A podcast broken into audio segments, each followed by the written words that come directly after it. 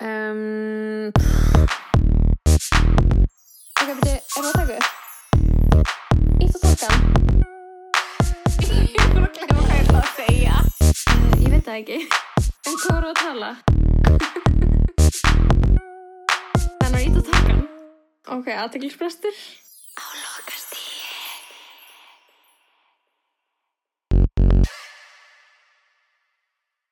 Já, halló. Hæ, ertu búin í þetta rack? Já. Rack. Akkur sagði þetta svona skrítið? Rack, erstu búin í þetta rack? Ertu búin í þetta rack? Uh, já, við erum að rekka og uh, skemmtilegt að segja frá því að við erum að rekka í COVID hotspot.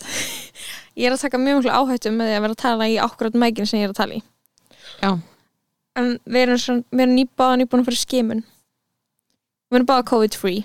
Báða COVID free, þannig COVID free og með mótefni og Pfizer, þannig að ég er bara svona Ertu I með- feel safe. Erstu með báðar Pfizer? Já.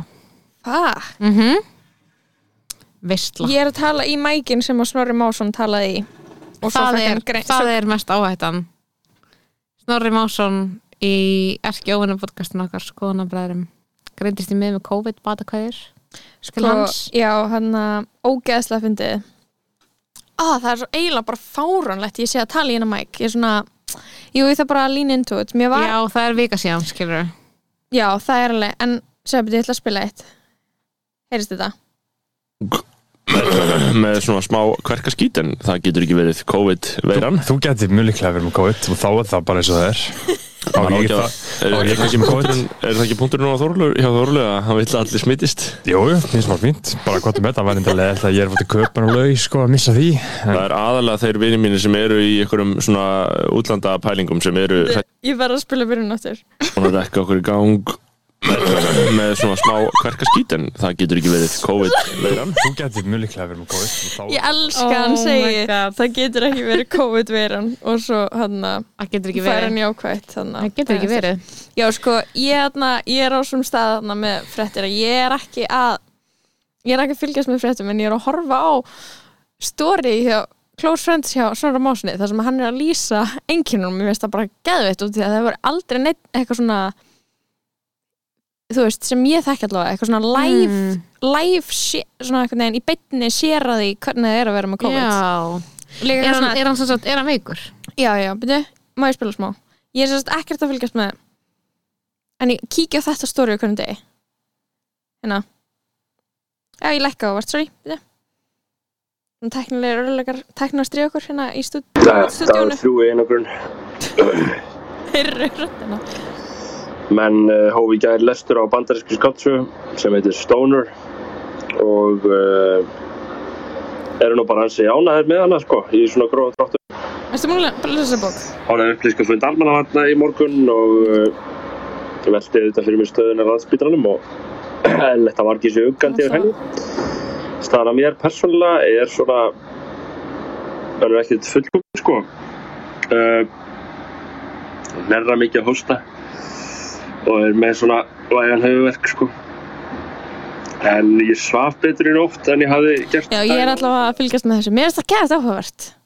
Já. En Ég gæti fengið bara nákvæmlega þetta COVID á því að tala hérna mæk Ég vil bara áhörðandi vit, nei, hlustandi viti sko hvað við erum að leggja á okkur. Til Og guð þess að taka pod. Já, hann verður náttúrulega bara Já. Veitu hvað verður heimskulegt ef þú myndi að fá COVID. Það verður heim, miklu fyndnara dæmi en eitthvað svona væri, þú að spila þetta eitthvað og síðan þú að fá COVID það væri alveg svo að eitthvað Það væri svona bara Já, að þeir getur síðan spila það í sínum þetta Ég segi það. Og það myndi enda, verður endalega slúpa en nei, nei, þú veist, það er alltaf búið að sótt henni allt inna og þú veist Ég, bara- ég stóð smá í þeirri trúa að veiran væri bara að sitja eftir á okkur yfirborðum sko. Nei, hún, sko, það er eitthvað mismandi eftir hversu svona gróft yfirborðið er. Og svona mjög einhver slett yfirborðið þá getur hún held ég lifað frekar lengi en það er ekki svona eins og eitthvað svona viður og eitthvað þannig, þú veist, það er mér eitthvað svona Þetta er náttúrulega viðar stúdíó Þetta er svona dekoreitað í svona alpen skíðaskála stíl Viður, það er afhókin svona dýrahaus á vegnum og feldur á gólunum En það er bara svo fyndið, þú veist, nú eru eiginlega allir staðir sem maður fer á, þá hefur einhver verið sem hefur fengið COVID, Já, skilum ég við meina meina? þú veist, ég vinn á bar. Já, nákvæmlega. Mér fannst bara skrítið að fá neikvætt úr skimunni. Mm -hmm.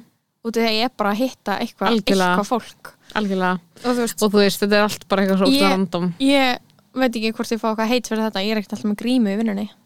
Nei, mér finnst, þú veist, sorry það er umurlegt að vera með grímu í sjö tíma. En þetta er líka þetta er líka búið að vera ógíslega confusing tími út af því að þú veist það er ekki grímu skilda allstaðar en það er mjög mikið að búðum og börum eitthvað svona að ákveða þú veist að eiga að vera með grímur það sem er ekki hægt að halda einsmyndra bili sem ætti hann sjálf að vera hægt að vera vinni þinni en ég held veist, að þið séu kannski oftast með grímur bara því þið umgast alltaf mikið af fólki Mhm. það er svona sem ég er upplegað svona í búðum og ég get ofta komið eitthvað inn og eitthvað býtu hjá, sorry, á ég er með grímu. Og þau er eitthvað, nei, nei, það er ekkert grímu skilda en við erum með grímur bara eitthvað og ég er eitthvað, ok, þá er ég samt alveg að fara að vera með grímu líka skilur ég er ekkert að fara eitthvað. Ok, nice, ég skilur hvað ég menna þetta er okkur já, það fer, fer sem átti að skapja mér sko. Hvort ég setja upp grímuna. Er, nenni ég ekkert alltaf sko. Ég sko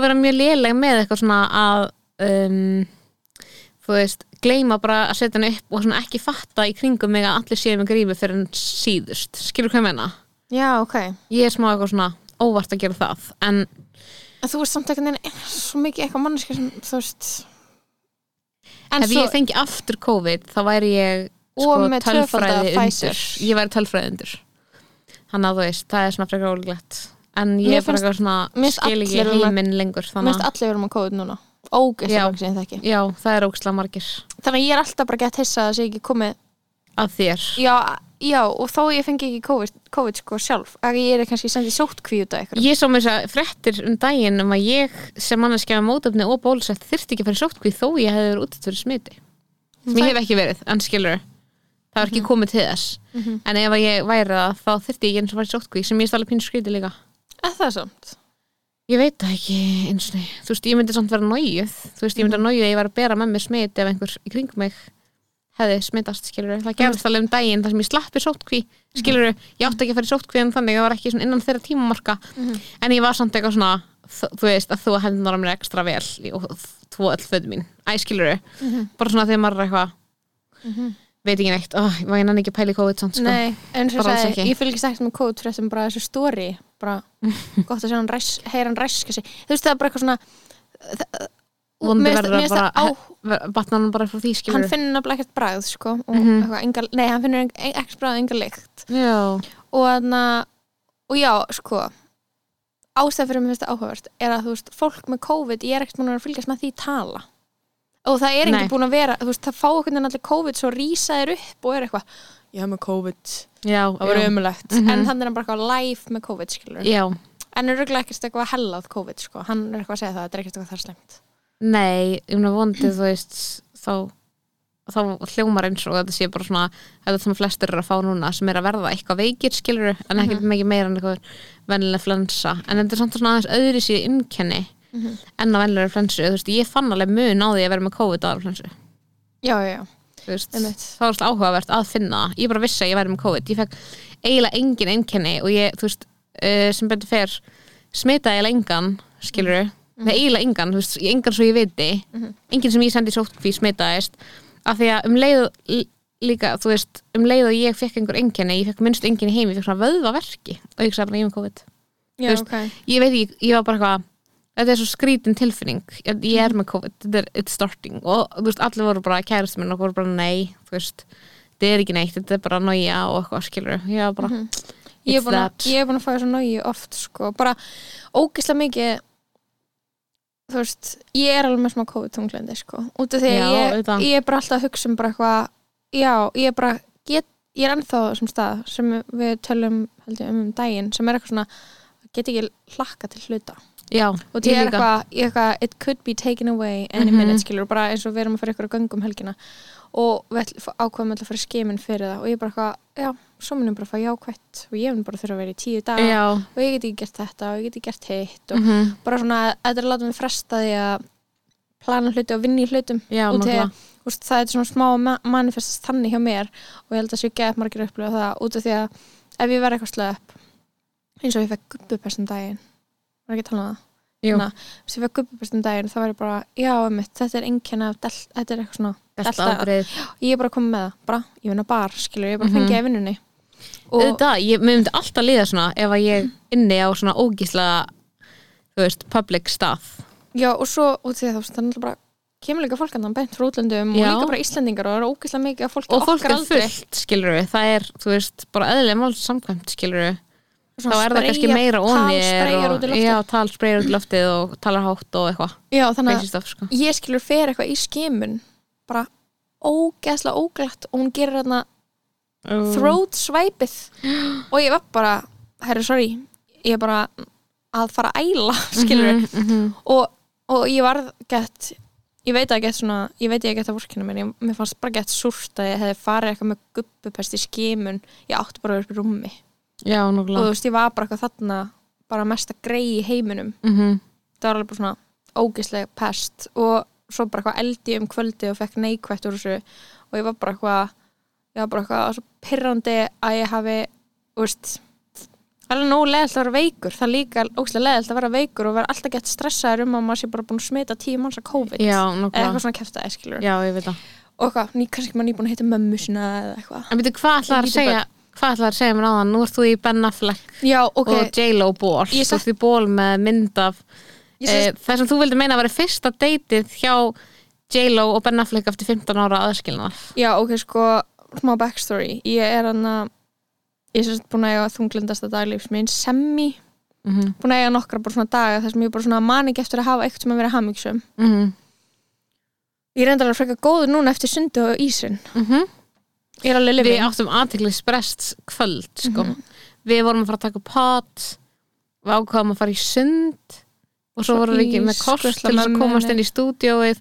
Þannig að við fórum að skuttla mömminni heim og fengum okkur ís. Maður og grafur alltaf kerðinga þess að opna fyrir mm okkur. -hmm. og klukkan bara eitthvað tíu við erum að byrja að taka pot og, og við erum fyrir göngu, við erum að leggja sjö í fyrramáli við þurfum að vakna klukkan hálf sjö eða eitthvað til að leggja staklega sjö í einhver göngu og við erum ekki búin að kaupa mat til þess að fyrir nei. gönguna en já, ég, ég er smá svona þunglindis átviti ég er svona cozy buksum úr hurra sem ég get ánum með, ég elska þær en þessi bólur, þetta er svona hefur ekki sér bánsalambu setja húna mína Jú. ég er svona, hún er svona ef ég, ef ég er leið þá setja ég hann á mig og þessi Mhm. bólur er alveg eins, ég bjóð hann til sjálf sko. þetta er bara bólur weekday sem er svona straujaði mynd af, af fyrsta deytinu og Ben og J-Lo. þetta fyrsta deyti er það? og þetta er fyrsta myndin. Já, þetta er fyrsta svona þetta er fyrsta myndin um að þau eru skilur að hittast eftir held ég 17 ára break-up eða eitthvað. Mm og þetta er bara svona ef þú ert uh, rom-com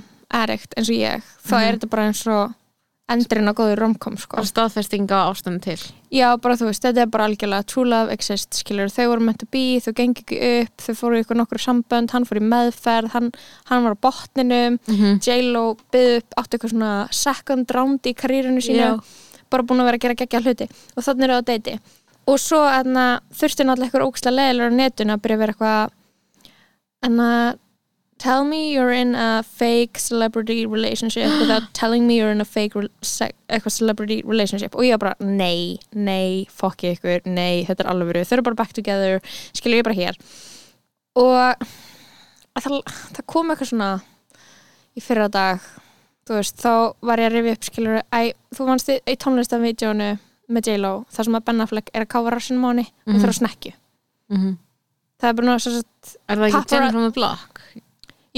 Örgla og þannig að þetta er bara svona iconic skilur og þannig að það náðist bara nákvæmlega eins myndaði núna. Já. og ég var bara eitthvað svona og það er smá staged, sorry. En, en bara, eða, þú veist, veistu hvað ég vil líka bara vera í þessu settingi þar sem hún veist ef að vera öllum líkindum paparazzis Já. hún fer í eiginlega sömu stellingu. Hann einhvern veginn liggur á bakinu en svona hallar sér yfir á hann, hana og er að nutta á hann í rassin Mm og mér finnst það svona einhvern veginn mér finnst það- eitthvað það er off on the nose. Já, ég sammála, ég sko þessi myndin í bílnum sem ég er með, hún er bara geggjuð. Já, ég held að það séu saman aftur sé ekki staged en ég held að þau hafi klálega svona byrjað að hamra járnið sko.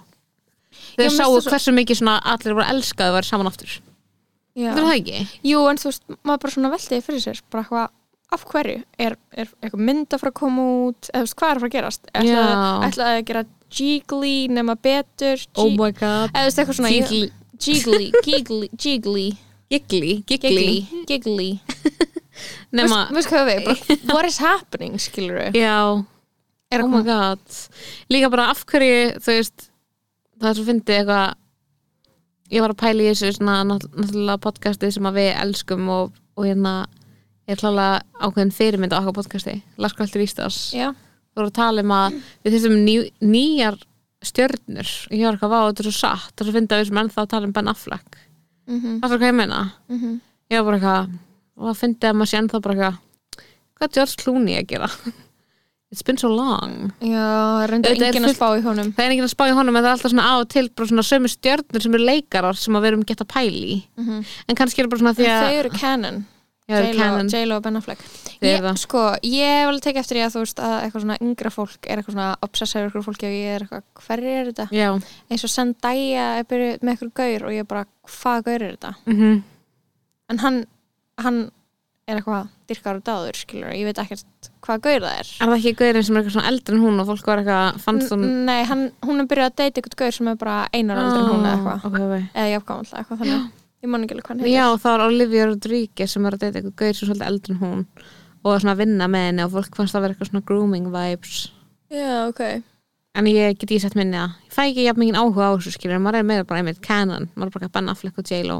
Mm ég er sjúki að fylgjast með því skilur Já, og svo er líka bara eitthvað, já, við þurfum alveg ný celebrities en þú veist, við viljum samt alveg ennþá hafa Dolly Parton, skilur nákvæmlega, we wanna þannig að know. þurfum við ný celebrity? Nei, erum við með, við erum alveg með góð? Við erum góð, nokkuð góð. Og þessi nýju sem koma, þau eru bara disappointing eins og Kim K og eitthvað. Já. True. Okay. gott outfit sem hún var í um daginn en svarta svo náttúrulega, já, það var fullt, akkur er, var fullt akkur er Kim, Kim K að selja okkur ljótustu narsföld sem að ég hef séð. Hver er að segja þetta Twitter, já, Hekla Elisabeth var að tala um þetta Já. Höfðu við þessi nærfötu ég hef enga skoðun. Nei, en ég hef samt ég er samt bara að skil ekki þú veist, ég skil ekki tískuna sem að er að vera í einhverjum svona base aðhalds nærfötum sem að láta ekkert eitthvað, að ég veit það ekki. Nei, algjörlega, mér finnst þetta góð punktur á Twitter, nú er ég bara quoting other people og vera bara eitthvað, Já, mér óslega góð, óslega góð kenning anna, sem ég heyrði í potum daginn sko, anna kann ég veist, er að fara eða já, er að fara að droppa Hluti, Donda svona, sem um eitt mamma, mamma sér Donda og, og það var eitthvað herbyggið sem hann bjó í á sem stadium mm sem var alveg með mjög góða svona mjög, mjög góða svona satanic orku eitthvað að búa í þessu herbyggi Mhm. hann er þess að búin að útbúa eitthvað herbyggi þannig að hann basically getur búið þar sem hann vinnur svo hann er að undirbúa Já. tónleika í reysa tónleika Mhm. stadium og búin að útbúa að svona geðveikt trátt eitthvað, en samt gett stílið sér að einhvern veginn herbyggi þar sem að hann bjó á meðan hann var að vinna að þessu sjói. Já, og hann var með sjóið, það Mhm. er búið en platan er ekki komin út. Og á, á sviðinu á Held þessu ég. sjói þá var hann basically með einhver svona útgáfa af þessu herbyggi Já, ok, horfur á þetta. Hann var, ég sá bara eitthvað svona brotur þessu. Og málið er ég er að followa geggja að gellu á TikTok sem að er að svona greina allt sem að Kardashian fyrst gerir. Ó, ok. Og það er, það er eitthvað svona Vá, ég myndi frekar drepa mig heldur en að horfa á það.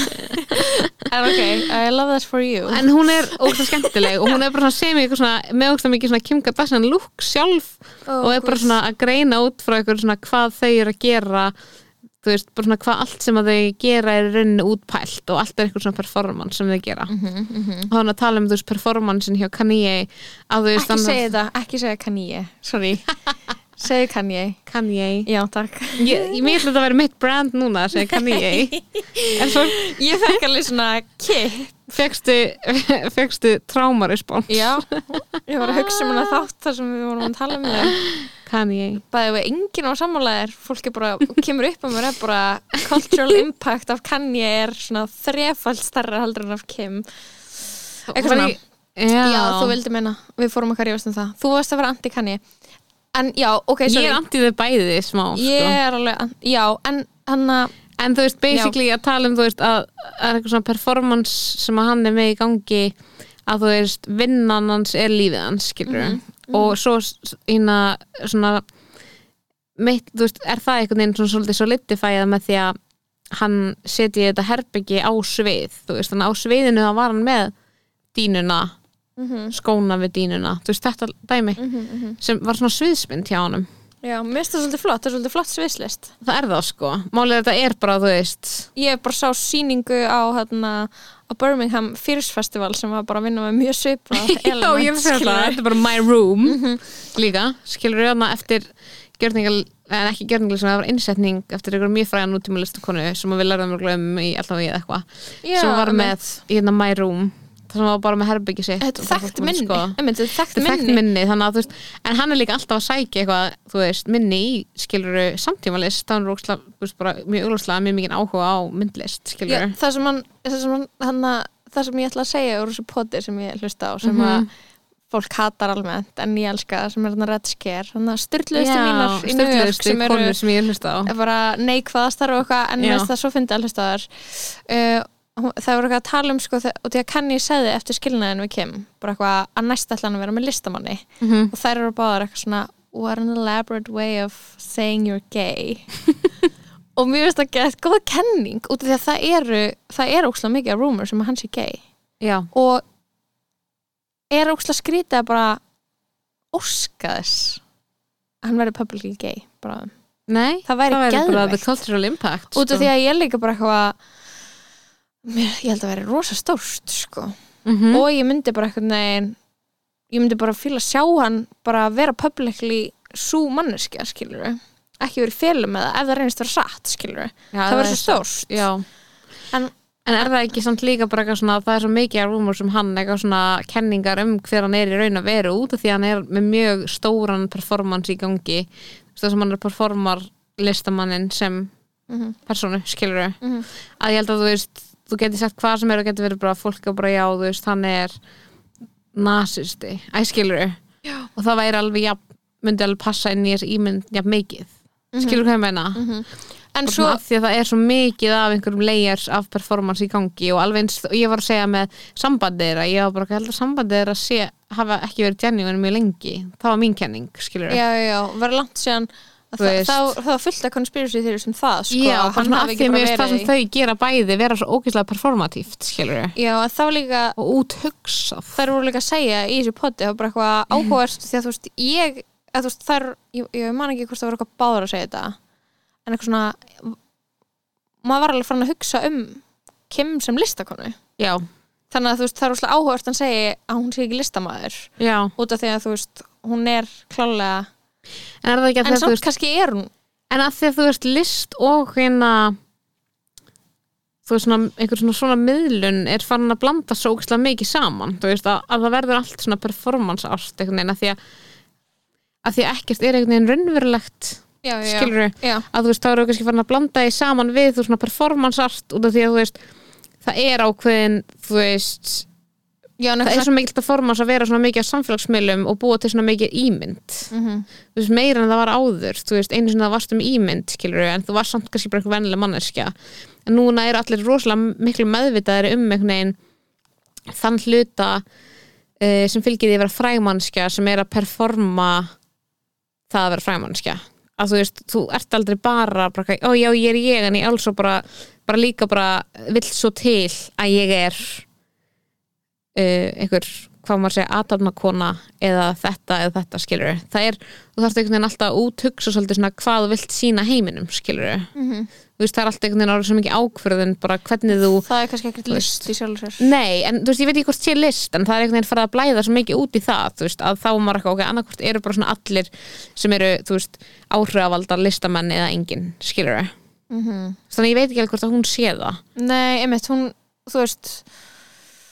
hún er það ekki en hún er kannski leikona Já, skilur við og hún er alltaf að leika út af því að þú veist, um leiðu þú opnar símaðin og byrjar að vera með eitthvað einsta stóri þá ert að meðvita að búið til einhverja meðvita leik- útgáfa af leika í þáttunum sínum. Já, bara eins og raunveruleika sjómarp skilur þú ert bara eitthvað, þú ert að leika skilur þú getur Já, ekki verið fullkomna þú sjálfur um leið og þú ert búin að setja lífið þitt í þetta form skilur Já, og þú fær líka þú veist þú, he, þú veist, það er neitt eitthvað svona val, eða skilur það er ekki beint eitthvað svona, já, út af því að þú, það er verið að horfa á þig, þá getur ekki gert neitt authentic, það er ekki beint það, það er meira svona, Mhm. þú veist eins og hún skilur, hún hefur bara mjög mikinn persónulegan hagnað af því að þættinni séu góðir, -hmm. hún verður að prodúsa gott content, Mhm. skilur og þá þarf hún að leika Já, og þú veist skilur þannig að það er ekki beint eitthvað svona það, ekki einu svona eitthvað krafan um að, að þetta sé authentic, það er meira svona hún prodúsar eitthvað. Já, ég meikar að fattar hvað ég á við? Já, út af því að þú veist í rauninni bara eitthvað þú veist er ég þá bara að leika út, út af því að ég er að tala við þér núna? Út af því að það er mækina? Já. Skilur mig, er ég að leika eða sér mig eitthvað, þú veist, er maður að leika út því að mynda, það er ekkert endilega það. Ég held sem meira bara að þær fá handrit, skilur, líka mm að þáttunum sínum.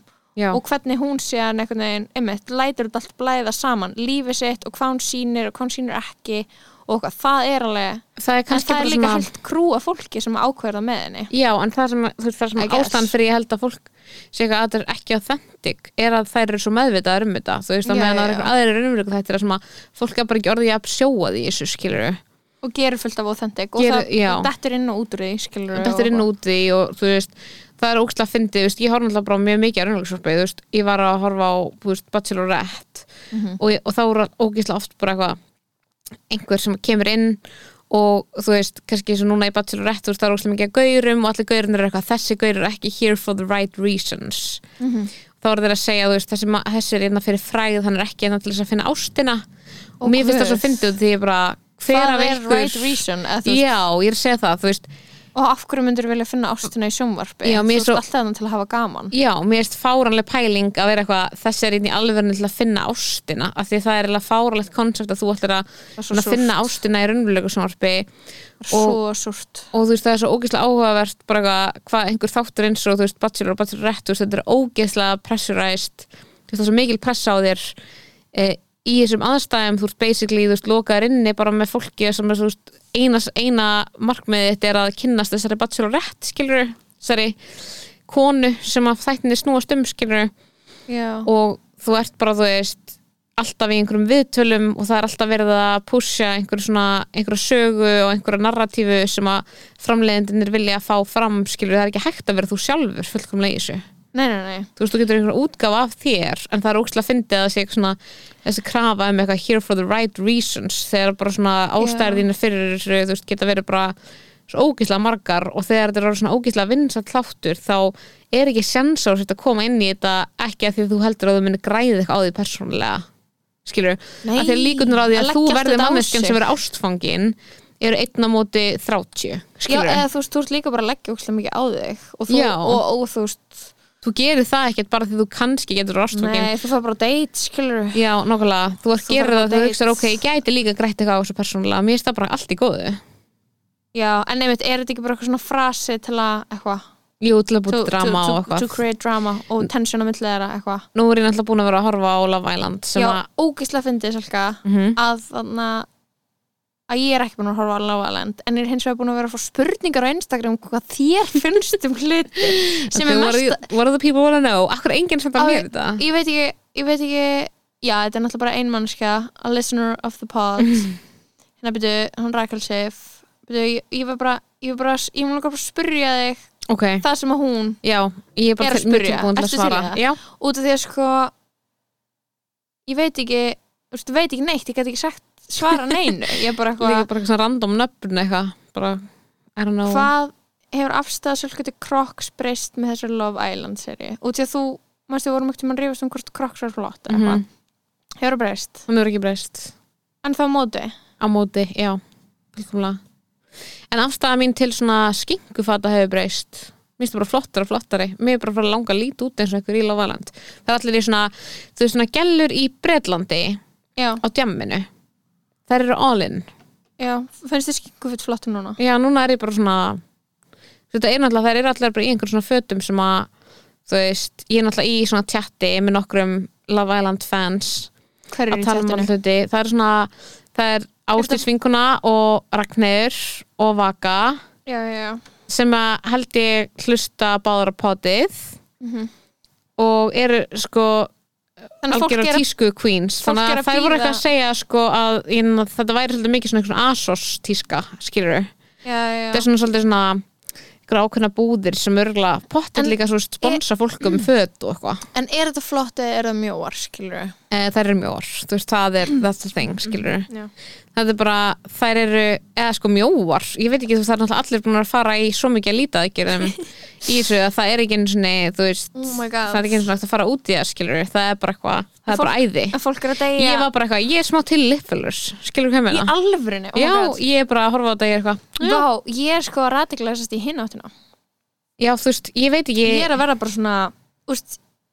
ég, það er sko ógeðslega mikið þeng núna að vera bara eitthvað choice, bara ef þú vilt fara í lítið að gera það kemur engum við nema þér. Og það kom eitthvað svona fárlegt vídeo á TikTok sem var eitthvað svona mamma mín var alltaf að seima mig fyrir að vera ekki mjó og, ég, og hún þegar hún var ung eitthvað svona bla bla bla. Mhm. ég var alltaf að hreyfa mig, hún segi bara ég hreyfi mig og gerir þetta og ég var bara óksla mjó ég var bara óksla mjó, drrrru svo kemst hún að hún næri ekki að vera mjó mamma sín. Mhm. kemst hann að mamma er búin fyrir fytis og, og eitthvað. Og svo segir hún bara hún gerði það líka, hún fór líka í fytis og allir voru eitthvað Ok. og hún var svona gett stolt að því og ég var bara eitthvað þetta er að súrasta sem ég hef heyrt. Mhm. og svo var fólk að debata hvort það væri lægi í kommentunum.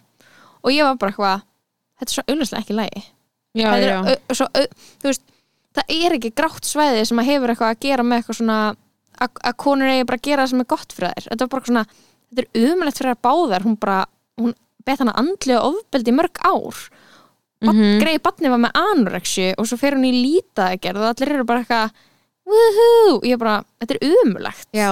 Þetta er bara eitthvað, ha, er að- okkur langar ekkert að lifa í svona heimi, skilur við ég held að máli sé skilur þetta er aftur þessi um, umræða sem við erum alveg komið inn á veginn áður er svona að það er eitt að einhvern veginn svona seima konur fyrir að svona láta undan þrýstingi um að vera fallegar skilur um einhver svona beauty standard og þú gerir þær einhvern veginn svona persónlega einhverju svona einhverjum glæpamönnum fyrir það þegar við erum bara eitthvað að reyna að vera til skilur og svo er annað að svona fara alveg hináttina og vera bara að þetta er allt æði skilur sem það bara er ekki. Þú veist það er ekki æði að það sé bara eitthvað úkslega mikið pressa. Það sé mér ekkert hægt að fara í hennar Love Island þátt lengur án þess að þú sért búin að fara í einhver lítið aðgerðir skilur já. þú sér alveg þróun á svona fyrstu seríunum og svona þannig til núna. Það sem er alltaf meira og meira bara svona þú veist það er ákveð útlit sem við erum að leita eftir að það er einhver framleiðendur sem að það er in- eftirsótt in- að komast í in- hennar þátt. Instagram model body já, já. þannig að þú veist maður sér alveg að það er ákveðin þróun sem er bara eitthvað þú veist, bara eitthvað til dæmis Kardashians skilur hafa líka verið að íta undir skilur Mhm. sem er að búa til eitthvað svona útlit sem er einhvern veginn attainable eiginlega bara, bara með aðgerð gerðum skilur, þú getur ekkert litið svona út án þess skilur Mhm. og það er einhvern veginn, maður sér alveg á þú veist þessu, að, og svo er líka ógæslega áhugavert að þú veist, í Love Island, ok, ég er búin að vera að horfa á þetta hvernig degi og ég bara, það þáttur sexin í viku svo þáttur þar sem að kemur fólk það er svo leit mikið, oh my god það er svo mikið, í leita ástinni í einhverju svona uh, já, eitthvað svona setur sem að er, þú veist, sundlaug og, og það er allir saman í herbyggi í rúmum, þú veist, það er svona fullt af rúmum. Velur eitthvað til þess að gista með? Já, og þú velur í byrjun bara who do you wanna be coupled up with? Og þá velur þú bara hvern þú vilt vera í pari með. En ef enginn velur mann? Uh, þá ertu basically bara settur með einhverjum, það kemur svona í byrjun þá eru, veist þetta er eh, martraða Já, þetta er, þetta er martraða gaurarnir velja og svo er bara eitthvað svona last one to pick eitthvað, skilur það er bara ég, eitthvað ég hef séð þátt það sem gælirna veldu. Já, það hefur líka verið þannig sko, það er svona alltaf skiptist á veginn. Og hérna um, svo ertu eitthvað í rúmi með einhverjum og málið þetta er margtarakent og þetta er svo ógíslega mér finnst þetta svo áhugavert því að þú ert basically einhverju fangelsi ástarannar þú bara ert með þessu fólki 24 tíma dag, 7 dagar vikunar þú færði ekki að fara neitt annað þú var eitt frídag í viku fyrir utan það þá er, veist, þá er myndavelar alltaf á þér það með að nota allt sem gerist á nóttur sem degi, skilur þú bara skrifa undir samningum með að nota allt. Og og, já, og síðan næstu í- saman í rúmi. Og þessi tímabóti er bara fullt af pörum sem er búin að saman smá lengi, þetta er 8 vikur eða eitthvað. Og þeir eru bara að ríða skilur og það er bara sínt og þeir eru bara undir sænginni skilur og, Og það, er alveg sínt, já, og það er alveg sínt svona að þú sér hreyfingar undir sænginu og eitthvað og, hérna, Oh, og þú ert bara oj, með í herbyggi höfum við ekki öll átt svona moment þar sem að einhver eða við sjálf vorum eitthvað svona að sofa saman. Að ég fattar þau bara svona nei. aldrei lendi, í, hefur aldrei Einhverjar ríða vaknað í og sama einhverju ríði í saman herbyggi þú? Ok, og ég hef aldrei lendi í ok, það er til hamingju, skilur, það er gott. Ég er bara svona að tala til áhörðar sem að hafa lendi og bara segja, skilur pældi þessar aðstæður hver einu sem nóttu. Fattar hvað ég menna? það er hræðilegt veistu hver er að þessu núna á Instagram og er Íslandingur hver? Sigga Dögg er bara alltaf að setja inn myndir frá því þegar hún er að ríða það er sko ógæst að fyndi, ertu ekki að horfa á Hvað story hennar? meinaru? Hvað meinaru? það er bara svona, maður lesi, gegn, lesi gegnum línar og það er bara eitthvað hún úti og bara eitthvað setur ykkur mynd og svo eitthvað, hver hefur riðið úti smá gaman út í sólinni og svona, hún allsber þú veist, sína ekkert brjóstinu sér eitthvað. Mér finnst það geðið áhugavert. Mér finnst svona Ó, geðið áhugavert að vera svona sex educator, ég er ekki Já, og en að, ertu að skoða þetta núna? Já. Já, og en að vera eitthvað svona alltaf að seg, sína frá sko þínum momentum sko, já, já, já en það er, það er klálega bara eitthvað sem henni finnst Ég gaman. meina einhverjum tímabúti í þessu Love Island dæmi þá er ég bara, já, eða skilur ég er, ég er þú ert hægt að vera ég er hægt að vera hiss- hissa, skilur ég er bara svona, já, þeir eru það ríða, ég skil það alveg þeir eru búin að vera, þeir eru í nýju sambandi en það eru ógislega margir aðrir inn í herbygginu Mhm. og þau, þau heyri það er eitthvað. náttúrulega fullt af fólki sem finnst það líka bara hot skilur já, mér er að þetta sé svona ekki hot að því mér lýrist, þetta sé svona eitthvað kynlíf það sem þau eru að reyna að vera ekki þögul sem er svona aftur eitthvað svona eins og vera unglingur eitthvað svona og með fóldræðin næsta herbyggja eitthvað nema fóldræðin eru inni þú veist, með æskilur, þetta er svona mjög skrítið. En líka bara eitthvað svona það eru óslega mörg veist, núna eru mörg pör sem eru svona búin að gangi gegnum ýmislegt. Mhm. og til dæmis par sem að þú veist Liam og Millie Liam og Millie? Liam og Millie. Mannsist þetta jammarar Liam hélt basically fram hjá Millie Já. í Casa Amor sem er svona önnur annað svona setur sem þau fara í Hérna, til þess að testa sambandi þar sem þau eru bara aðskilin í nokkra daga og eru bara með alveg nýju fólki í nokkra daga vinnur eitt par Já, og vinnur eitt par uh, eitthvað 50.000 pund hvernig vinnur þau? með því að vera vinsalsta parið fyrir Já. almenningi bara sem almenningur elskar mest og ég er svona hrættum með þau sem var að vinna út af því að Millie er úrslega vinsæl en Liam hjælt framhjá með gellu sem heitir Lily í. Casa Amor. Og ég þóli hann ekki út af því að það máli er eitt sem ég ætla að segja um þessar aðstæður að vera í Love Island er að ef þetta væri úti í raunveruleikanum þá hún komst að þessu Millie og hún var brjálu og hún hætti með honum. Mm. ef þetta væri alvöru heimurinn þá væri hún bara ég er hætt með þér, ég vil ekki tala við þig. Mm.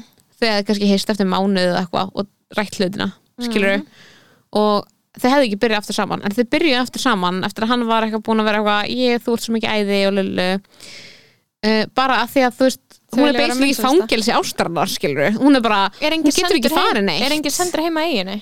jú, þau eru sendt heim en það var ekki búið að koma aðstæður þar sem annað er að gæti verið sendt heim skilur hvernig er fólk, já fólk er sendt heim út af því að það gengur ítla í kostningunum Já, sko, það er samt heima þegar það fyrir svona í bottom af því almenningu fílaði ekki.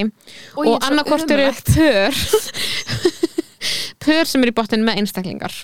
Og núna er það vera þannig að hinir sem eru með þér í eiginu velja hvort þú haldir áfram með ekki. Þannig að það eru bottom þrýr og þú veist, eiga skeggjanir eiga, eiga að velja hver af þessum þremur á að fara heim hvað er þessi margir fyrirvonandi Love Island keppendur búin að fremja sjálfsvík eftir Þrír. að hafa tekið Ná, Nei, er tveir og eina kynnerinn líka já, var ekki fleiri en tveir Það eru tveir og síðan er, veist, það er bara búin að vera sex season, skilur þú veist, það, Það er það er mikið. frekar mikið já þetta er eitthvað svona ókslega hella með þetta að vera í þessu og það er, þú ert ókslega frægur og ókslega gaman svo fyrir Mhm. út, fær kannski einhvern annan raunveruleika þátt -hmm. Út af því að það er hægt að vera, Já. bara er hægt að vinna við að vera raunveruleika stjarna í Breitlandi Nákvæmlega. Bara flakkar á milli þátt og eitthvað. Mm og svo bara eitthvað, þú veist, alltaf jamma, alltaf gaman alltaf tekinu upp og svo bara hvað er lífið þitt þegar það er slögt á Já. myndavélunum? Og líka bara, en líka þú veist það sem heldur gerst þessu fólki er að fekk ógeðslega mikið af hatri, já, Eh, einmitt, á það netinu. er líka bara eitthvað. Það var rosa mikið þannig þú veist, hérna Caroline Flack sem að var svona kynir í þessu, þú veist, hún fekk hérna, það var rosa mikið af svona bullying bara gagvart henni á netinu og hún svo tók eigi líf bara í fyrra held ég. Já, ég Og- og hérna uh, og, og síðan þá er alltaf búið að vera eitthvað svona be kind, eitthvað hashtag be kind eitthvað svona í byrjun af þættinum. Og ég er eitthvað svona, ok, þú veist núna er til dæmis aðstæður þar sem að veist, fólk er mjög mikið að uh, pæla í drama sem varða milli Faye og Terry sem að eru Faye, Terry, minn, minn upp Teddy, Teddy, er hann uppáhaldið þitt? Hann er klálega uppáld Ok, ég var- þau ég eru líka- uppáldum mitt ég sko. var forritin að vita sko hver var uppáldið Já, já, Teddy og Faye er uppáldum mitt. Mhm. Faye er samt all time uppáldum mitt út af því að hún er fyndnust. Hún er eiginlega eina finna mannskjannana ok, áhuga það er eiginlega engin góður í sem brandar eða fyndin hana Mhm. út í þeirra valin út frá hotnessi. Þeir eru hotness og húmor gengur ekki upp en saman. það er svo margt við hana skilur ok, ég farið út í hennar hegðun skilur en hérna, það er líka áhugavert á einu mómenti í þáttunum. Þá kemur upp eitthvað svona leikur og það er eitthvað svona hvað finnst þér hot og hvað finnst þér turn off við fólk? Og einn gaurinn sem að um, ég hataði sem ég meir en alla sem heitir Hugo, bara svona fyrir hlustinu sem vita. Hugo, hataði hann farin, úr hann er farin út. Uh, hann var að segja eitthvað svona það sem er turn off fyrir mig er fakeness sem ég skildi sem veist, að vera fake, eitthvað svona að segja eitt en meina annað, eitthvað, en hann var að meina gælur sem líti út fyrir að hafa farið mikið aðgerðum. Ah! Og þær eru brjálar Faye og Chloe og fleiri eitthvað. Ok. nei, Faye, Faye og Sharon og eitthvað er- eru brjálar og Faye átti eitthvað svona það sem hann var að tala við Hugo og útskýra eitthvað að það hefði sert hann að gett mikið var hann var eitthvað svona það er úslega sárt að þú segir þetta þegar að foreldrar mínir horfðu á mig vera þunglinda og gráta og líða umurlega þegar ég var unglingur uh, út af því að ég var svo því hún var bara eitthvað svona hvað ég að segja, bara svona beinvaksin skilur, hún, var, hún sagði eitthvað svona hún var underdeveloped, hún sagði eitthvað svona hún eftir á í þroska, kynþroska. okay. og ég hérna gáf henni þau gáf henni sílikonbrjóst í áttunara ammálskjöf Okay. og ég átti bara svona mámunda sem ég var bara þetta er hræðilegt á svo mörgum levelum skilur ég hugsaði bara layers. þú það eru layers af hverju hræðilegt það er. Bara eitthvað svona að þú hafi verið þunglind og liðið ógeðslega illa út af því að þú varst ekki komið brjóst í einhvern breskum mentaskóla, það er hræðilegt það er hræðilega erfi reynsla og það er fárlegt, fáránlegt af því að þú getur verið bara af svo mörgum ástæðum þá varst ekki komið brjóst eitthvað sem unglingur. Það bara, veist, það bara kikkar inn sent hjá mörgum lítil brjóst það. hafa líka ógslátt verið í tísku og Nákvæmlega, það er mest nákvæmlega. desirable body type í heiminum. Mm. hence the pedophiles. Hence the pedophiles. Nei, en veist, þetta er bara það sem er í gangi í unglingum skilur Mhm. og að fóreldrannar hafi bara verið eitthvað þetta er leiðin til þess að rötti þessu og síðan annar leiðin að þú samt síðan komur eitthvað og ert eitthvað, ég skil alveg að vera fúl eins og þær voru fúlar. Og að það er líka úrst að fúlt á síðan ertu eitthvað búin að gera þetta og það er eitthvað, eitthvað mér er svo feik. Og þú ert eitthvað Þú getur ekki unnið, Mér finnst skilurðu. svo fyndið að spila þetta victim card líka. Í þessu? Já, mér finnst það gett funny eitthvað af því að þú veist eitt, mér finnst eitthvað svona eitt að fara í lítið að gerð skilur, svo finnst mér annað að vera eitthvað svona ég er svo mikið grei, ég þurft að fara í lítið að gerð og maður er eitthvað, ég veit það, en ég er að segja, þú ég veist er bara babe 80% af heiminum er bara ekki hot. Já, hvað ég, ég það veit það, en, málið er að þú veist það var svo áhugavert að sjá heimsmyndina sem þær voru með. Já, þetta er bara geðveitt hot gellur og þær eru basically valdar í þátt út frá því þessi hot, þessi hot. en það er samt En ekki til að ekki alvöru. er, engin er óörugari með sig nákvæmlega þessar gellur. Það er svo Já. áhugavert, er Og að maður það- bara eitthvað ha, og svona krafan um að þú veist það þurfa, hún hafa, þær hafa þurft að fæðast hot til þess að vera legit hot skilurðu. já, en það líka kemur upp í þessu eitthvað, þú veist, ein gellan er með einhverjum mesta asnalega gaur í heiminum skilur Liberty og Jake. Og hún er alltaf eitthvað, og hún sá sem sagt svona videoklippu sem að próduserinir sína til þess að búa til eitthvað drama og eitthvað. Síndi eitthvað svona klippa sem hann er eitthvað ég veit ekki hvort mér finnst hún svona heita með langar í hann og fötunum, ég veit ekki hvort það er svona sexual traction, traction sé þarna á milli okkar. Mhm. og hún verður geðvett sára þetta er svona weak spot í henni það sem hún er bara þetta fór ógeðslega mikið inn á óryggi mitt bara að, að Verður- kærastunum minni finnst ég ekki heit. Og ég var bara, þú ert búin að spranga það um á beikinni hverjum eins og degi. Þú ert með einhverja hourglass figure, skilur en þú veist þess að áhugavert maður er bara eitthvað, hvernig gerir- eru þið líka ó, bara allar óurugustu gælar í heimi en skilur gerir þetta mann ekki órugan að horfa á þetta? Jú. ég, þú veist, ég hann að Jú, ég ekki það. spá, þú veist, effektin af því Já. að horfa á þetta að vera bara eitthvað skellur sem líta svona út og fitt inn eitthvað beauty standard og Mhm. geta tekið þátt í þessum þætti Mhm. þær eru samt ekki nógu fullkomna Já, það er bara eitthvað, já, það já. er engin nógu fullkomin og líka bara eitthvað, mér finnst það mér er svo pyrrandi að heyra þetta og því að ég bara svona, þetta er ástæðan fyrir því að konum getur ekki liðið vel í samböndum og í kynlífi og því að það er ekki með nógu fullkomin líkamann til þess að eiga skilja að vera elskaðar og eitthvað vilja sofa hjá þeim. Og bara eitthvað, eitthvað gæla sem lítur ógislega vel út skilur Mhm. eitthvað og, og það er eitthvað gaur með, ég veit ekki hvernig mér finnst það nógu fuckable, skilur, mér finnst það bara það hljóma bara svona eins og bara eitthvað það ætti að vera fyrirlestur eftir hvernig einsta þátt bara eitthvað um er sagt sko. þessi skilurðu. þættir eru náttúrulega, við skulum áttu gráði að þessi þættir eru toxic sko. þú veist bara um leiðu þú byrjar að horfa svo þætti þá ertu bara, ok, ég ætla að henda núna í ruslið bara öllu sem að mér finnst í alvörunni að við ættum að vera að gera bara í sambandi við bara feminism og jafnrétti skilur við, Mhm.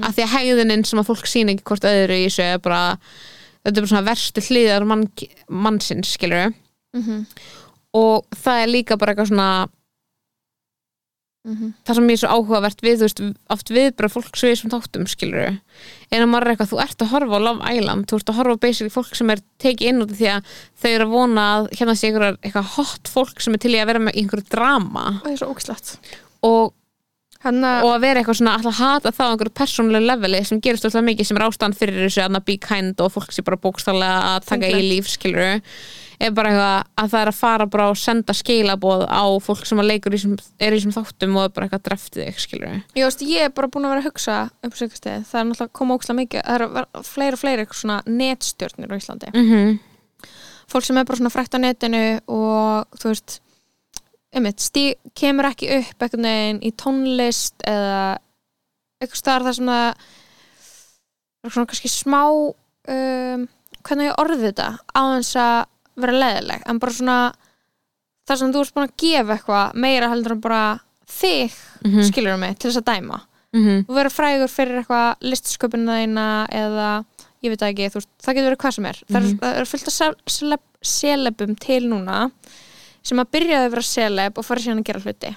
-hmm. og það getur bara verið hvað sem er, skilur ég er bara að hugsa um, þú veist, sko, internet fanbase bara svona fólk sem að verður followers hér á netinu. Þetta er minnst loyal fanbase í heimi mm, það tekur, veist, og þetta er ekki raunverulega ást. Þetta er ekki fólk sem að þú þekkir, þetta er ekki fólk sem er í nærumkruninu, þetta er ekki fólk sem fylgdist með þér þegar þú varst að ströggla, þetta er bara fólk sem að followa þig út í það ég veit ekki, það er allir að followa þig og þú veist að gera content, skilur þetta getur á TikTok Instagram eða eitthvað.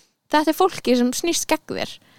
Þú veist, pældi bara eitthvað mununum á veist, nú, það er alltaf, auðvitað er oft verið að rífa niður eitthvað tónlistakonur, eitthvað tónlistamenn sem að hafa gert eitthvað astanlegt eða eitthvað bara Celia Mhm. Banks eða eitthvað skilur eða Cardi B eða Nicki Minaj skilur en þannig að það er eiga líka það sem hann hafa gefið út sem að fólk elskar. Já, já, já en þú ert ekki með neitt nema, Nema- myndir af þér. nema basically þig, Þig sem persónu og, og ég bara eitthvað, ég held þetta sé í rauninni verstu fans til að eiga. Já, þetta er já. nafnulegt fólk. Mm þetta verði ykkur þau þúsundir eða hundra þúsundir af ykkur fólki sem er með þér og það er ekki með þér all the way. Það er að Mhm. fylgjast með þér til þess að sjá hvað þú gerir og strax svo þú gerir eitthvað sem fólk fílar ekki þá droppar það þér. Já, og ég bara eitthvað að hugsa þú veist, og mér finnst þetta, þetta svo ógeðslega fragile og líka bara svona um, og það er ekki krafa um neitt skilur þú veist við sáum bara eitthvað laufið bara ítti hundinu sinum fram á rúminu eitthvað sem hann, Mhm. daginn á TikTok Mhm. skilur og það var bara dýranýðingur, dýranýðingur laufið bara cancelled, drrrra, þú veist það var bara ógeðslega mikið hattur, var samt fyrir það ógeðslega vinsæl. Mm og þarna já, mér finnst það bara svona það er bara til í að snúa það skekk þér á ég- 0-1 Já, það stendur ekki með þér og það er bara þarna til þess að dæma þig. Og það tilbúið til að vera óslega gróft við þig. Já, út af því að það þarna, hefur ekkert persónulegt investment já, í þér. já, já, og ég held að þetta sé já, ég held að þetta sé ógislega hættulegt út af því að líka það er einhvern veginn heldur ekki sko uh, af því þú komst ekki inn með eitthvað annað heldur en þig þá þarna, það veit ekki alveg skilur fólk hvað það á dæma þig út frá líka því að þú getur Mhm. síðan verið ógislega frægur þú veist með ógislega marga followers en ekki vera að vera góð manneskja þú veist, í raunveruleikanum eða eitthvað mm þú veist, eða bara á netinu og, en það er ekki það sem fær fólk til að snúast það gegn þér það er bara í dramanu, í mómentinu þegar Mhm. það verður eitthvað turning point þegar að, þú veist, hlutinni flippast við, skilur Mhm. og þarna ég bara svona, ég hef ekki eitthvað áhyggjur af sko internet celebum, Mhm. þú veist hvað þarna, það eru geðast margar YouTube stjörnur sem eru bara þú veist, ekki, bara Mhm. búin að missa allt sitt, skilur já, og þetta er að fara að gerast á TikTok líka og Instagram og ég er bara eitthvað svona, ég held að þarna, út í að ungu fólk í dag það langar geta, því langar geta að vera frækt á samfélagsmiðlum Mhm. út í að þú veist, það þarf ekki lengur að gera neitt nema einmitt, setja ykkur góð vídeo inn veist, þetta er ekki lengur eitthvað svona fyrst læru þetta, Já. svo fyrir að gera tónlist svo gefur hann út, svo vonur ykkur hlusti skrefin að fræðir eru bara miklu stittri og í rauninni þarf fallið þá miklu herra líka. Já, og þú þarft líka bara, þú veist, stundum er þetta svo súri hluti sem fólk er að gera, sem Mhm. lætur að fá followers. Þú veist, það er bara fólk frægt fyrir að bókstala vera ekki að gera neitt, skilur og bara eitthvað, ég er ekki að segja að þarna að Instagram og TikTok eitthvað svona stjörnur, það sé ekki vinna í þessu, en það er ekki það er ekki neitt annað heldur en bara fokkin lífið skilur Já. Sem er ógeðslega svona eitthvað skrítið og erfitt að setja eftir steik setja persónulegan þinn Já, einhvern veginn á línuna skilur Já, og þarna það er svo ógeðslega mikið af, af hatri þarna, sko, og það er svo ógeðslega mikið af svo fólki er bara einmitt nafnlaust. -hmm. það er einmitt, þú veist ég var gett að hugsa eitthvað svona ok, það var til dæmis, þú veist var hann ekki með fleiri, fleiri spurningar en um Crocs? Jú, en þá hún sendi held ég eitthvað svona myndum sem hörfu Já. Þannig að, sorry, það var bara Crocs En mér Sko- sko, svo fyndi hún var að spyrja mig út af því að Þessi, þú varst bara, og því ég veit ekki neitt já Ég var ekki sko, að að en, það er rauninni, þú veist en það parið sem var svona uppáldið mitt þú veist, þetta er búið að vera svona dramatískasta sagan út af því var að fei Fey, þú veist, eh, bara gjörsamlega snappaði í einhverju svona bara fór gett yfir svona mörkin í samskiptum um, þegar að hún fann fyrir einhverju óryggi út af því að hún sá einmitt einhverju klippu þar sem hún var bara eitthvað svona að fá tilfinninguna að þetta hefði ekki væri ekki alltaf það sem hann sé, var séður sem var bara ekki rétt skilur Mhm. en hún sá það þannig og bara brást ógislega rámt við Hún snappaði. og snappaði og bara öskra á hann og eitthvað. Og ég er eitthvað svona það get áhugavert af því að hún er bara svona eins og þú veist, svona fólki kringum mig er bara eitthvað, hvað, get mikið bara svona hvað varst þér um þetta með face, skilur þetta var úrslega crazy og að hún sé eina fólk á netinu búið að kalla hana abuser og eitthvað svona. Og mér finnst gett áhugavert að vera eitthvað svona nú er það, þau eru búin að einhvern veginn sættast og þú veist, ræða hlutina og eitthvað virðist vera, skilur en mér er skemmt áhugavert að vera eitthvað svona taka, þú veist að máli er, það er einn ein vingill á sér að maður er að tala um fólk í raunveruleika þætti og bara tala um þau eins og alveg manneskjur og síðan droppar maður því bara þegar maður veit að þetta er ekki þannig alveg er það bara gaman að tala með hann og vera bara já, hann, hún er algjör halvviti eða eitthvað skilur svo er mér svo mikið annað að senda fólki sem er til í alvörunni skilabóð og vera bara að drefti þig. Þú ert ógísleg, hvað ert að gera? Þú þetta ekki skilið, sem er það sem fólk er búið að vera að gera. Af því að þú veist, Og ég get alveg verið um eitthvað ég get alveg verið eitthvað við vini mína bara, þetta er crazy, hvað er hann að pæla? Skilur það skadar hann ekki neitt. Það er bara ég, þú veist, það er bara við að ég samtali um þáttinn. Mhm. það er bara einhver annur hlið af þessari entertainment. Mhm. en svo bara eitthvað því meira sem ég sá fólk á netinu vera að hata hana, þá var ég bara meira og meira bara svona, get offensive fyrir hana skilur Já, standa með henni. Að því ég var bara eitthvað svona ok, þú veist, hún er í þessum sjónvarsætti um, það get augljóst að þetta manneskjum ógeðslega mikið óryggjum, hún er búin að vera mjög gegnsæ með svona sitt sitt, allan tíman Já, hvern, líður. Já, hún er búin að vera bara eitthvað ég er ógíslega léleg í að opna mig og ég á til að loka fólk frekar hann að treysta því að því er auðveldra því ég vil ekki fá höfnun.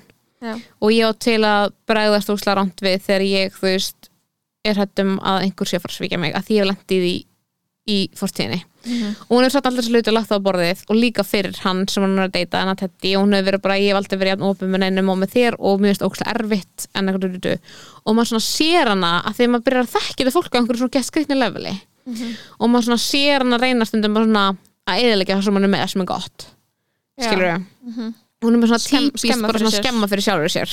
Já. með því að vera eitthvað svona eitthvað momentar sem var eitthvað, ég veit ekki hvort mér finnst eins og ég, þú veist, svona sem kemur, þú veist, það er svo áhvert að sjá fólk vera ógíslega svona augljóslega óurugt, þegar hún var eitthvað svona já, ég veit ekki hvort að hann fílar eitthvað jazz og ég fíla skilur Europop og jammið.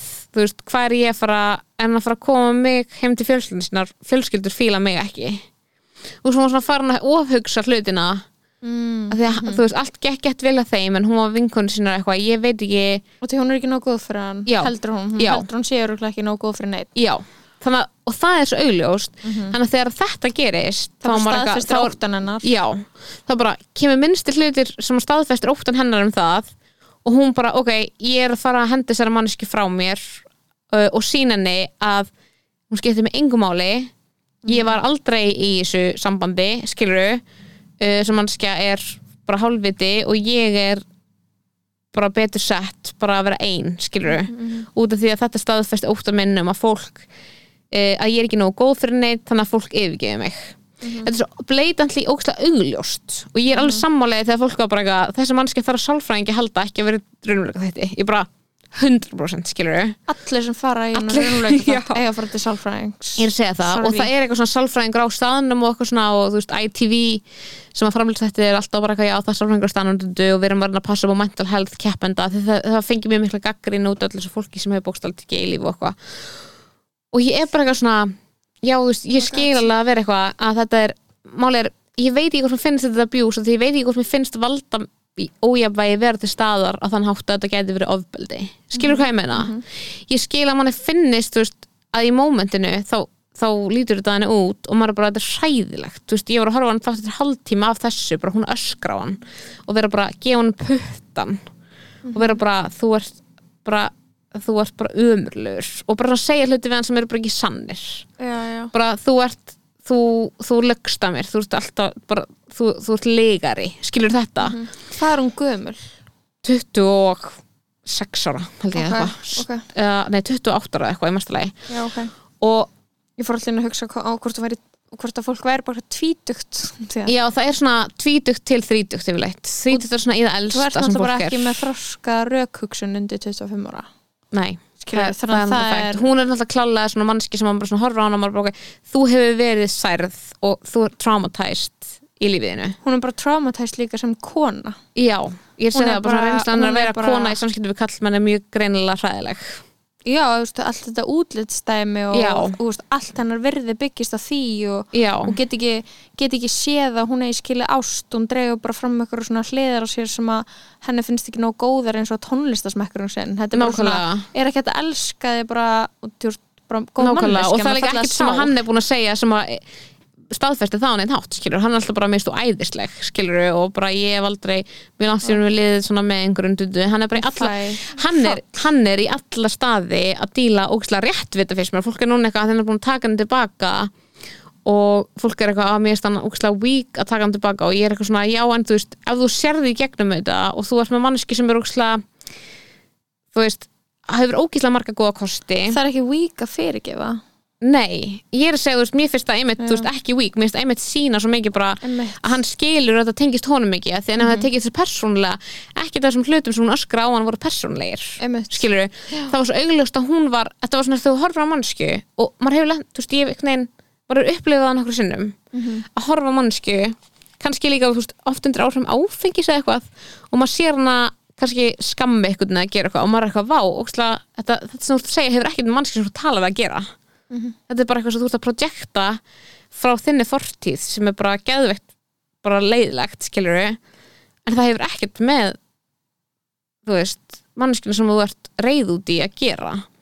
Og þú veist, ég held að hann hafi bara ekki tekið þannig, þú veist, ég held að hann hafi verið bara hann var sár og hann var að segja hann, hann laði henni linnar og hann, þú veist þegar hún var að beða hann afsökunar á þessu vildi hún fá hann tilbaka? Já, svo var hann bara sá hún að sér eftir sá að, búið að renna reyðin skilur Já, þá var classic. bara ég gerði mistök, ég má ekki ég má ekki gera svona, ég get ekki lofað ég mun ekki springa svona aftur, að segja vinkun svona, ég get ekki, veit, ég veit ég ger þetta stundum, og mér langar ekki að gera þetta mér langar að breytast, en ég get ekki lofað því að þetta gerist aldrei aftur þú veist, ég þór ekki að lofa því skilur, þetta er bara eitthvað sem hún þarf að, hún þarf að vinna í þessu skilur, Já. þú mátt ekki, koma svo fram fólk, þó þú sért sár þú mátt Já, já, ekki, já. þó þú sért eitthvað opið sár, þá máttu náttúrulega ekki koma svo fram, fram fólk en hann, en samt einhvern veginn, ég, þú veist, þú veist, þú veist að segja þetta og ég er alveg Mhm. sammálaði en maður er bara eitthvað að líka skilur er þetta fólk sem er að segja þessar hlutum alltaf búið að bregðast rétt við öllum aðstæðum já, það er líka bara eitthvað lífið veistu hvað við, það er bara Mhm. eitthvað þú bara eitthvað upplifir eitthvað og þú veist, ég er bara eitthvað svona fattar mig, Já. er bara og mér finnst það svo skrítið að út af því að þau eru on TV að gera það Mhm. þá eru allt einu má hérna einhvern veginn gaggrina meir, eða þú veist bara hver hefur lifað svona lífi þar sem þú snappar ekki eitthvað tíman á okkur Mhm. bara þú, þetta er örugglega mesti álagstími lífinar Ég veit það og ég var líka að hugsa Já, sko, ég held, held líka að öll svona, þegar þú upplifir einhver svona svik eða eitthvað svona, eins og þessar st- stelpur sem hafa basically eiginlega bara upplifað svik í þáttunum en ekki að vera það sem svíkur að því þú veist þegar, þegar þetta Casa Amor dæmi gerðist og þeir farið í einhver annað hús og nýjar gælir þá voru þeir eiginlega allir geðvegt til í að kynnast ykkur nýjum gælum og þær voru eiginlega allar bara hei ég er þetta gaur það voru líka nýjir gauri á þeim. Já, ok. Þannig að þetta er svona temptation að báða vegu. Mhm.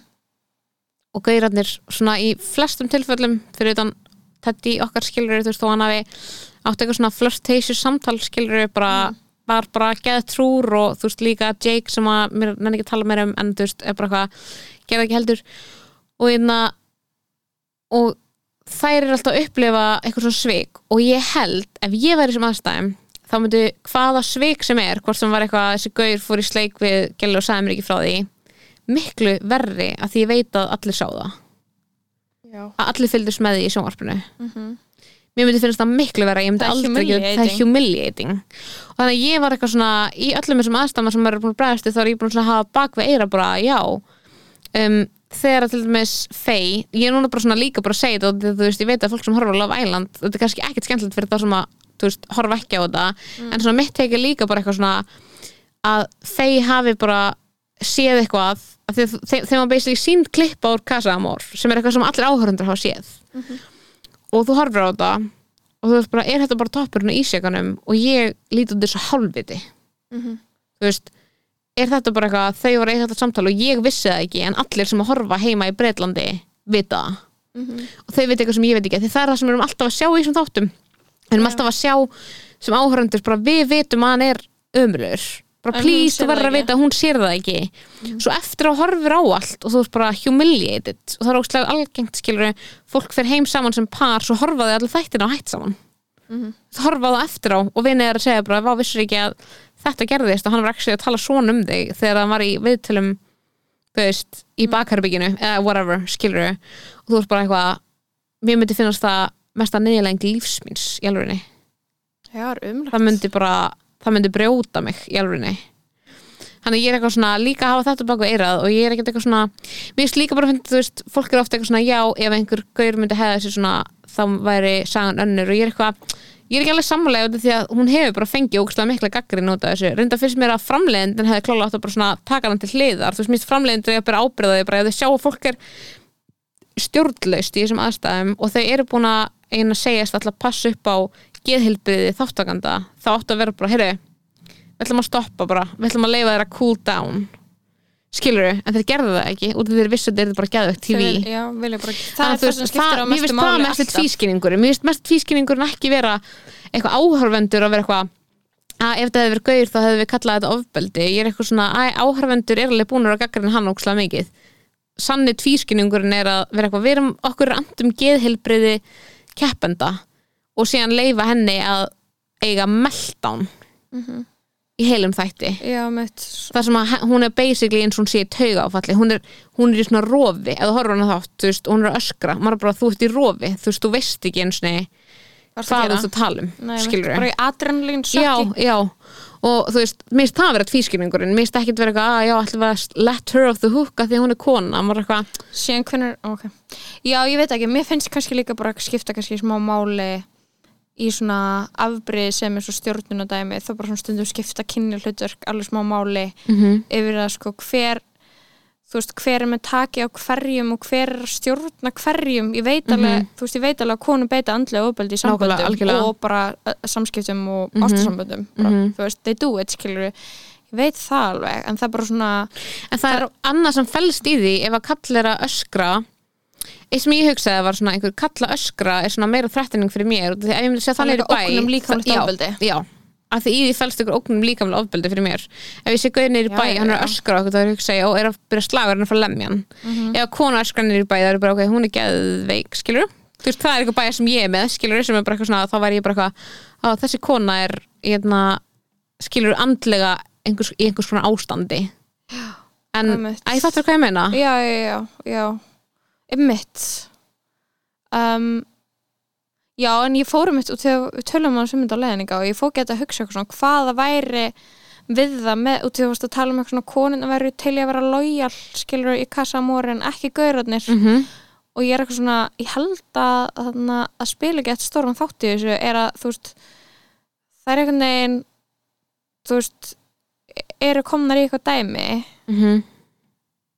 Og þá finnst þeim bara gett sjálfsett bara eitthvað að stikka við það. Já, en það er eins og gaurunir hafi líka alltaf trúa að þeir geti fundið eitthvað betra að það er líka önnur stelpar sem sýnir þeim áhuga. Og svona geðið mikið eins og þetta sínast ég bara svona pjúra útlitsbeist Mhm. og þeirra óöryggi er bara eitthvað það má engin, þú veist, ég má ekki vera ljótar en neitt, ég má ekki, þú veist. Mm og strákarnir eru bara við, þú veist, ég veit alveg sama, þeir, eru bara með- ljó, þeir eru ljótar en margir Já, og þú veist, og þeir eru kannski alveg líka með mjög brenglaðar hugmyndir um sjálfa sig og Já. útlitt sitt og brenglaðar hugmyndir um kvenlíkama. Það er bara svo ógeislega mikið stjórnunatæki og þú veist, bara eitthvað þú veist það er nefnilega líka máli eins og við vorum okkur að tala um hana og hún hefði upplefað eitthvað hræðilegt í samskiptum við kallmenn og maður er ekki alltaf það að maður hafi verið betur ofbeldi eða kynfyrsofbeldi sem Nei, að konur hræðast kalla það er líka bara svolítið svona eitthvað þessi höfnun og vera ekki þú veist get ekki verið elskaður af Nei, veist, er sem einmitt- er bara svona stór já, svo Einmitt, stórt í þessu skilur einmitt, þú veist, ímyndið sem ég fekk var einmitt ekkit, ég var ekkit eitthvað svona að já, hún er þólandi ofbeldis, ekki Nei, þannig, ég var bara svona bá, þú ert bara traumatast að því að vera kona í heiminum. Já, já, skilur þú er bara verið að deyta gauðra að og það er bara verið umurlegt og fóreldræðin er gáðið þér sílikon í já, pæli í því þú að, að það sé að fóreldreinar gátu ekki lagt meira á sig til þess að byggja upp sjálfsmyndina og segja þér að þú værir eitthvað svirði heldur gefast þér upp og gefa þér sílikon mm. -hmm. heldur hvað er mikið fokkin uppgjöf gagvart fokkin fæðraveldinu skilur mm Mhm. eða það er bara eitthvað bara Þetta nei, eitthvað svona við ætlum ekki að hjálpa þér að elska sjálfa þig við ætlum að gefa þér stórbrjóst svo að kallmenn vilji ríða þér sem er bara svona enga veginn eitthvað trygging fyrir eitthvað ást skilur Nákvæmlega.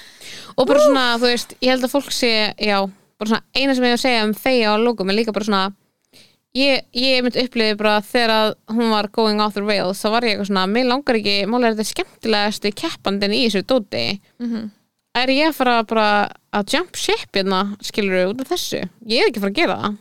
Ég myndi ekki gera það örgulega ef þetta væri einhver vinur minn. Vinur minn myndi haga sér svona við mig eitt kvöld að vera skemmtilegast að mannskjöld með þekki öll hinn kvöldin sem er þannig sem ég líti að Love Island núna sem bara vinir mína.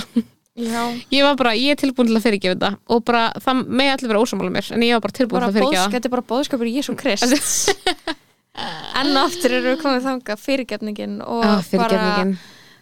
þú veist, hann gríns.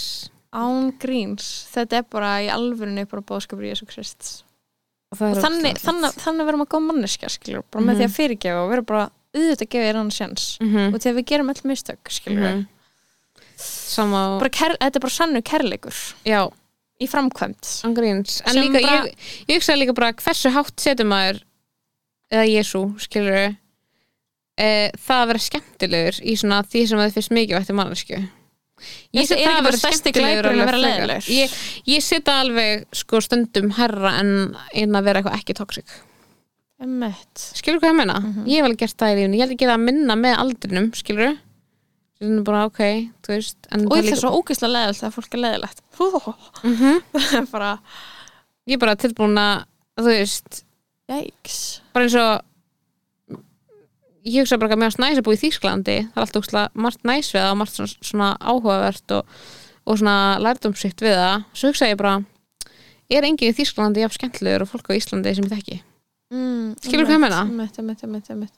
Sett bara það að vera skemmtilegur ofar mjög mörgu öðru sem bara ég veit ekki, fattur hvað ég meina? Þú veist, ég er bara svona, ég, ég valjú það er bara herra en mjög margt annað sko, vera skemmtilegur og fyndin og það er kannski bara eitthvað sem ég þarf að díla við. Þau eru ekki allir að vera sammála, kannski vilja allir bara eiga þú veist, non-toxic vinni og sumrið eru smá leiðilegir. Ég er bara ekki sammála. Nákvæmlega. Uh, Að lókum King vikunar Þannig að maðurinn sem sopnaði það Ha? Nei, ég er ekki Oh búin að þetta er Þetta er uppáhaldsfrétti minni í vikunni.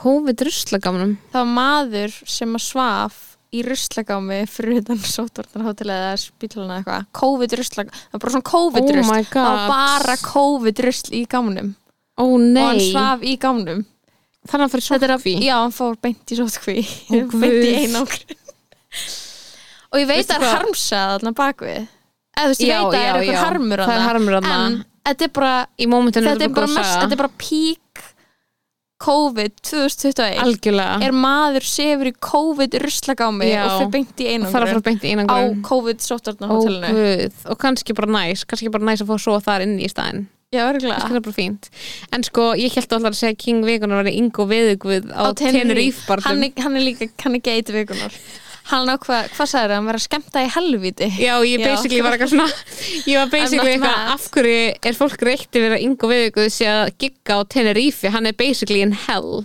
Hann er að gigga fyrir einhverja fulla einhverja Ógeðslega- Íslendinga sem eru solbrendir og sem hefur verið til á ógeðslegasta fólk sem hefur verið til á Íslandi það. og er á einhverjum bar á Tenerife í fólk COVID og ég er ekki reyðið við því það eru makli, það eru makli málagjöld fyrir mér.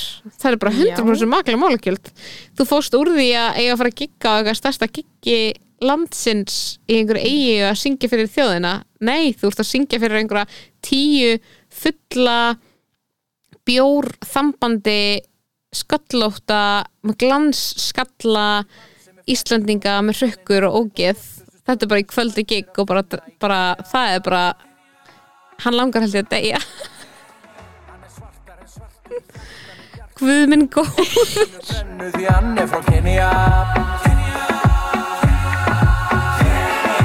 Ég Ó, þetta er svo- þetta er svona- Það bara er þetta til. Bara er þetta lag til. Þú veist, þetta er bara verst þetta er bara, þú veist, já Þessi Einmitt. maður er núna í helvíti. Já, já, veist, það, það er alveg skilur það er einhverju sjö Hann er þar sem hann á að er, vera. Já, er, þú veist, forgarur helvitis það er bara ten, Íslendingar á Tenerife. Án gríns.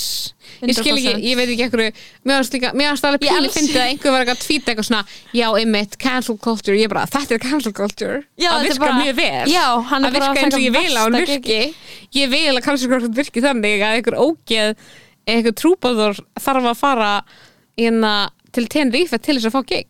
Það- Ég bara, já, já, that's líka, how I want to work. Ég svo líka, ég svo líka eitt tweet sem var eitthvað svona Íslendingar á eitthvað nafni á barnum á Tenerife ekki koma heim. Og ég er eitthvað bitch, þau koma ekki heim. Þetta er bara fólk sem býr á fucking Tenerife eða eitthvað. og er er, sorry, og ef það sorry, Það er á alkoholistar Þetta fólk er alltaf alkoholistar ef þú ert á Tenerife núna að horfa yngu vögu þú ert með minnsta cultural capital á Íslandi í heimi. Eða þú veist þetta er bara, sorry. Þú ert, þú Þú hefur engin völd í samfélaginu. Þú ert ekki í svona okkar syng eða syng manneskjunan sem var að týta það. Skilur hvað ég meina? nei, Bara við erum aldrei að fara að hitta fólki sem að engin, engin sem við erum að fara að hitta að segja, "Heyrðu, ég var að koma frá þetta er annað leir í samfélaginu. En enginn er kom, frá að koma heim og segja Lóa, ég var að koma heim frá Tenerife. Gettu hver er að gigga á barnum Ingo mm -hmm. þú er ekki að fara að lenda í þessu. Og því þú þekkir engan sem er á þessum bar. Það eru svona tíu mann sem komast fyrir á þessum bar. Ég, Mér finnst þess að ég veit nákvæmlega hvernig þessu bar lítur út. Skilur hvað ég meina? Ég held þessi Íslendingabar. Það er hægt að fá eitthvað svona orabönir og lambur á sunnudum Mamma mín vann einu svona, svona Íslendingabar á Benidorm og hún sagði að það hefði bókstæðlega verið versta umhverfi lífsennar og ég er bara eitthvað svona, já,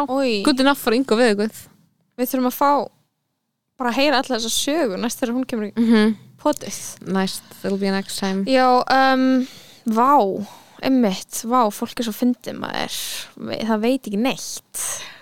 Þetta er ekki ekki Þetta er æði skilur þetta fólk sem er eitthvað reykt yfir þessu giggi hjá honum. Já, þú veist, ég skil að þú er- eitthvað sjáur eitthvað Ingo fekk gig en ég er eitthvað svona hérna, en ég er líka bara Það verður sko samhengið. En þú veist, hvað hva viljum að hann geri? Ég vil ekki að hann sé eitthvað í, í hérna sorpyrðu í hverfinu mínu. Skilur, þú veist, ég er ekki Hvað vil ég hann geri?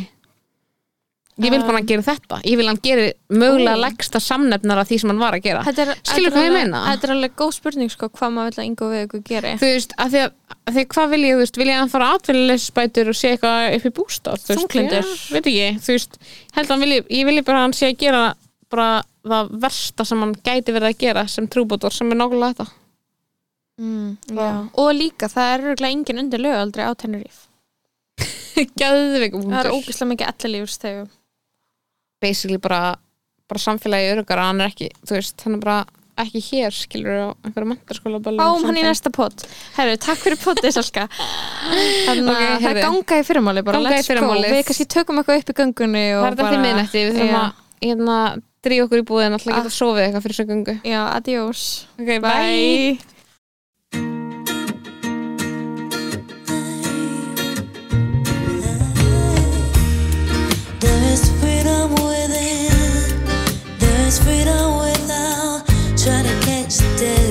paper cup. There's a battle ahead. Many battles are lost, but you never see the end of the road while you're traveling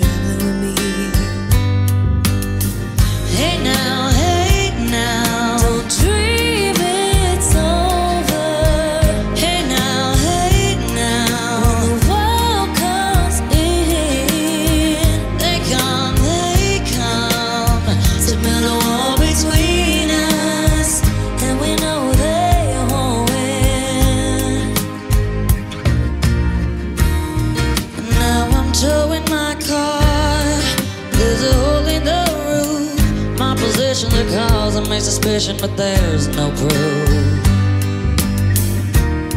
And in the paper today, it tells of and of waste. But you turn right over to the TV page.